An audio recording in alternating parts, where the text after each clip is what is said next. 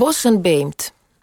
Terwijl op mijn mooi eiland in de, in de Zee de zomer in kracht begon toe te nemen en kinderen steeds later op straat bleven spelen, bereikte mijn zorgelijk bericht uit de lage landen. Er was een voorstel ingediend om de zomervakantie te verkorten. Klein bier natuurlijk, vergeleken met de berichtgeving over de Oekraïne. Toch gingen al mijn stekels overeind staan. Alsof die armzalige zes weken nog niet minimaal genoeg waren. Welke kindervriend haalt nou zoiets in zijn hoofd? Mijn moeder verscheen voor me. Haar ongelovige blik toen ik haar vertelde dat Nederlandse kinderen slechts zes weken zomervakantie hadden. Dit was haar tweede schok. De eerste betrof het ontbreken van schoolkantines met de broodnodige warme maaltijden.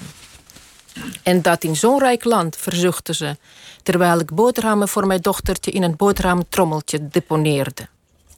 Maar terug naar Bossenbeemt, waar volgens mijn moeder, die zelf lerares was, kinderen in de zomer thuis hoorden. In de Sovjet-Unie duurde de zomervakantie op scholen drie maanden. Voor ons kinderen was dat de gelukkigste tijd van het jaar, een tijd van vrijheid. Maar hoe zat het met onze ouders? Die hadden hoogstens een maand vakantie en bovendien werkten alle moeders. Wat moesten ze met al die loslopende bloedjes van kinderen? Er waren grof gezegd drie opties: oma op het platteland, pionierskampen en op straat hangen, al dan niet met verkeerde vrienden. Die pionierskampen, waar de kinderen nogal gedrild werden, al hing dat van het kamp af, waren, waren meer voor ouders die niks beters voor een kroost konden bedenken. Maar ja, niet iedereen had natuurlijk een oom op het platteland. Wij ook niet. Maar die pionierskampen met een collectivistische karakter waren mijn ouders een gruwel. Gelukkig organiseerde de sportschool waar ik aan ritmische gymnastiek deed ook een zomersportkamp. Dat was kleinschaliger en onze trainers gingen mee, wat zo'n kamp een stuk vertrouwder maakte. Er werd gewaakt over discipline en conditie. Elke ochtend voor het ontbijt een rondje door het bos joggen. En elke dag trainingen. We mochten natuurlijk niet verslappen in die eindeloze zomermaanden. Zoals gezegd was mijn moeder lerares. In de Sovjet-Unie, net als hier nu, een laagbetaalde baan. Maar leraren genoten ook een groot privilege. Die drie zomervakantie. Die drie zomermaanden vakantie. Dan konden ze in die pionierskampen als kampleiders nog wat bijverdienen. Een andere privilege voor leraren was een spotgoedkoop zomervakantieverblijf. Waar? U zult het raden. In schoolgebouwen over het hele land.